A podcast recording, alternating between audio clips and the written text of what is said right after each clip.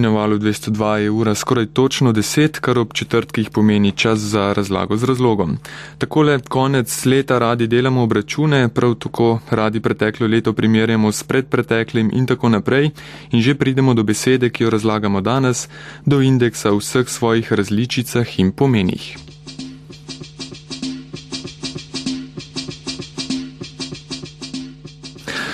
Ja, indeks rasti cen, pa borzni indeks, indeks matematiki, računalništvu, bibliotekarstvu, poznamo tudi indeks prepovedanih knjig in tako naprej in tako naprej.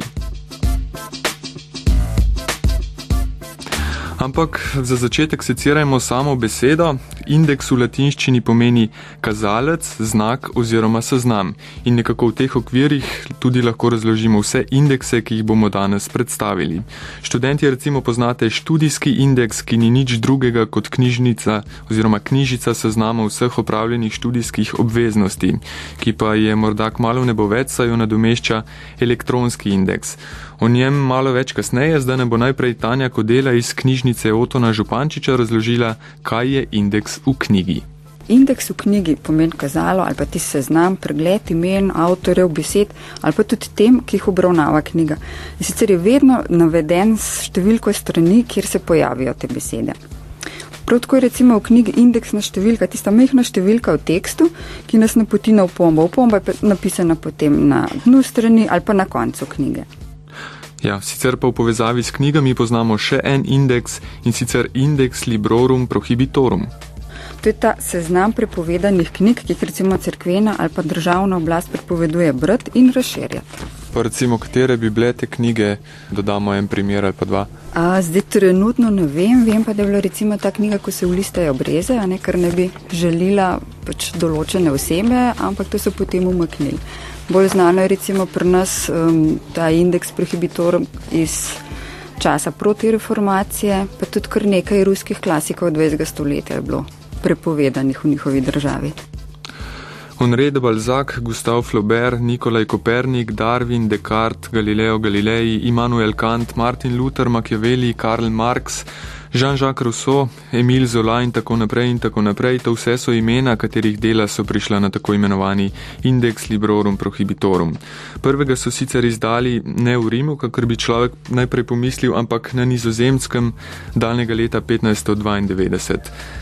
No, zadnjič pa se je o njem spet bolj glasno govorilo ob izidu Da Vinčive šifre, ko je Vatikan pozval vernike naj knjige ne kupujejo in ne berejo. Uradno je sicer Vatikan seznam prepovedanih knjig odpravil po drugem Vatikanskem koncilu.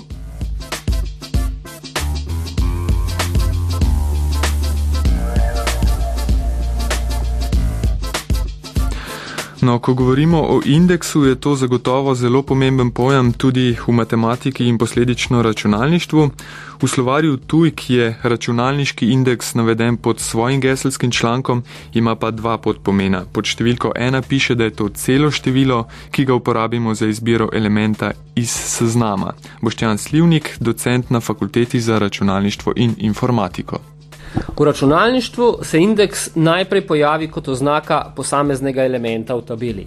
Običajno je to neko pozitivno celo število, ki skupaj z velikostjo elementov tabele določa odmik elementa od začetnega naslova tabele. Indeks nam tako omogoča zelo hiter in učinkovit dostop do elementov, ki so shranjeni v tabeli. Naprimer, če v tabeli hranimo povprečne ocene študentov in nas zanima povprečna ocena 17. študenta, potem število 17 predstavlja indeks iskanega podatka v tabeli. V mnogih modernejših programskih jezikih, predvsem v skriptnih, pa poznamo tudi asociativne tabele. Pri teh indeks ni več nujno celo število, pač pa poljuben podatek. Programerju se s tem olajša delo, a se žal zmanjša učinkovitost dostopa do posameznega elementa tabele. Če se vrnem na prejšnji primer, če bi v asociativni tabeli hranili povprečne ocene študentov in nas bi zanimala povprečna ocena študenta z nekim imenom, tedaj je ime študenta indeks v asociativni tabeli, ki zdaj predstavlja preslikavo med imeni in povprečnimi ocenami študentov. Obstaja pa v računalništvu za pojem indeks še en pomen, pravi Boštjan Slivnik. Ta nam bo verjetno malo bolj razumljiv. No, na področju podatkovnih baz nam pa beseda indeks označuje podatkovno strukturo, ki omogoča hitro in učinkovito iskanje podatkov v velikih bazah podatkov.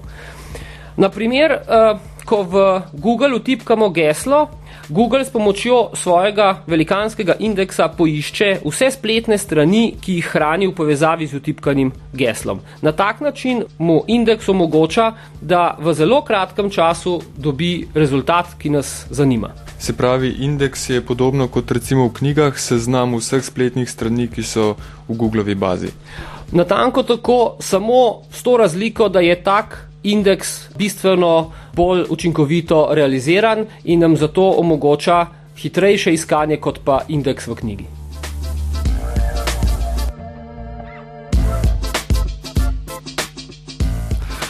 No in gremo naprej z našimi indeksi. Pri vsakih daljših poročilih na spletnih straneh in vsakem resnem časopisu najdete dnevne zapise borznih indeksov najbolj znanih svetovnih borz. Saj veste, New Yorkskega Dow Jonesa, ameriškega Nasdaka, frankfurtskega DAX-a, japonskega Nikkeja in tako naprej vse do našega SBJ 20. No, kaj sploh je borzni indeks oziroma kaj predstavlja, pa nam je razložila Polona Petrle, direktorica sektorja za trgovanje in sprejem na Ljubljanski borzi. Borzni indeks izračunavajo praktično vse borze po svetu in predstavlja splošno gibanje tečajev na posamezni borzi. To pomeni, običajno je neka košarnica najbolj likvidnih delnic vključena v ta indeks in kaže indeks, recimo, če se te delnice dnevno pozitivno gibajo, to spravi, da tečaj raste, tudi vrednost indeksa raste. Če pada, tudi vrednost indeksa pada. Tako da indeksi so zelo koristni za prikaz splošnega gibanja tečajev na borzah in tudi pomenijo uh, za vse analitike, da lahko primerjajo, kakšno je splošno gibanje na borzah. Seveda, uh, koristnost indeksov je pa tudi to, da če dalje več produktov, recimo vzajemnih skladov, indeksnih skladov, vzamejo košarico oziroma tale indeks, po katerem sledijo. To pomeni, da vlagatelji, ki vlagajo v ta sklad, sledijo indeksu ki ga uh, vzajemni sklad sledi. Tako da dejansko lahko vlagatelji vlagajo v to košarico delnic.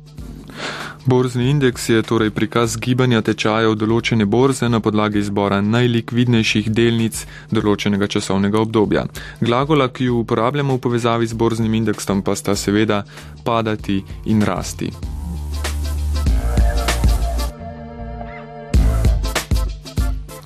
No, zadnja leta in še posebej zadnje mesece se večkrat uporablja glagol rasti, sploh ko govorimo o cenah. Pogosto boste za ta pojav slišali izraz rast indeksa cen življenskih potrebščin.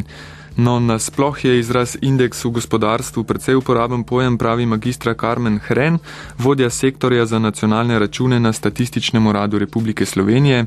Tam indekse računajo vsak dan. Z indeksom primerjamo med sabo dve obdobji, ali pa naprimer dve podjetji ali dve osebi.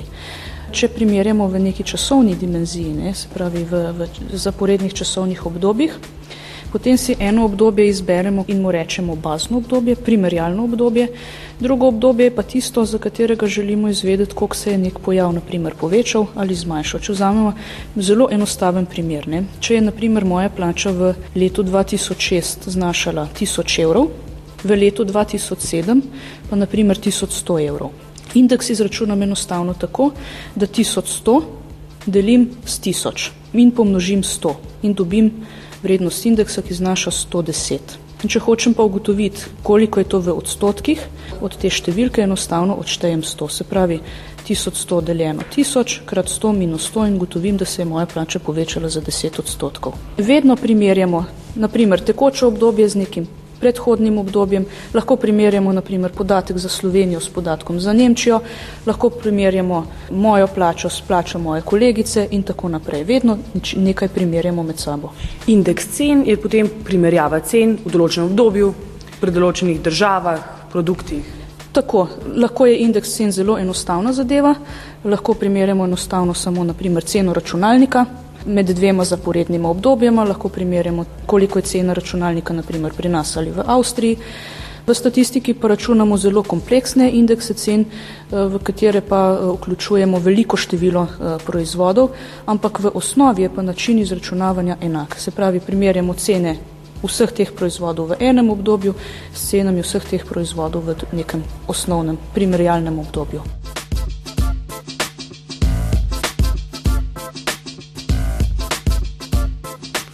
Takole, to je bilo nekaj od naštetih možnosti uporabe besede indeks.